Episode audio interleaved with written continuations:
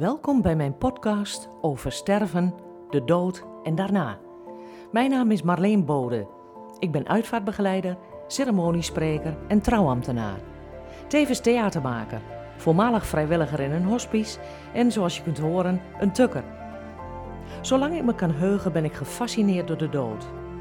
Ik heb een aantal jaren geleden een openbaring gehad. Een blik achter de schermen, zoals ik het noem.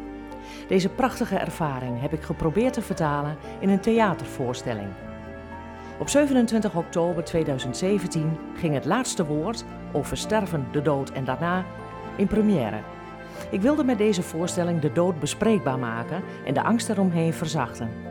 Ik twijfel niet over een leven na de fysieke dood en dat geeft troost. Het is nog steeds een taboe om over de dood te praten, terwijl het de enige zekerheid is die we hebben in het leven. Ik ben bevriend met de dood. Hm, zeg maar, we hebben een haat-liefde verhouding. En ik wil in podcasts graag mijn ervaringen, gedachten en hersenspinsels hierover delen. Ben jij bang voor de dood? Boos op de dood? Nieuwsgierig naar de dood? Hoop je dat er een leven is na de dood? Luister dan naar Over sterven, de dood en daarna.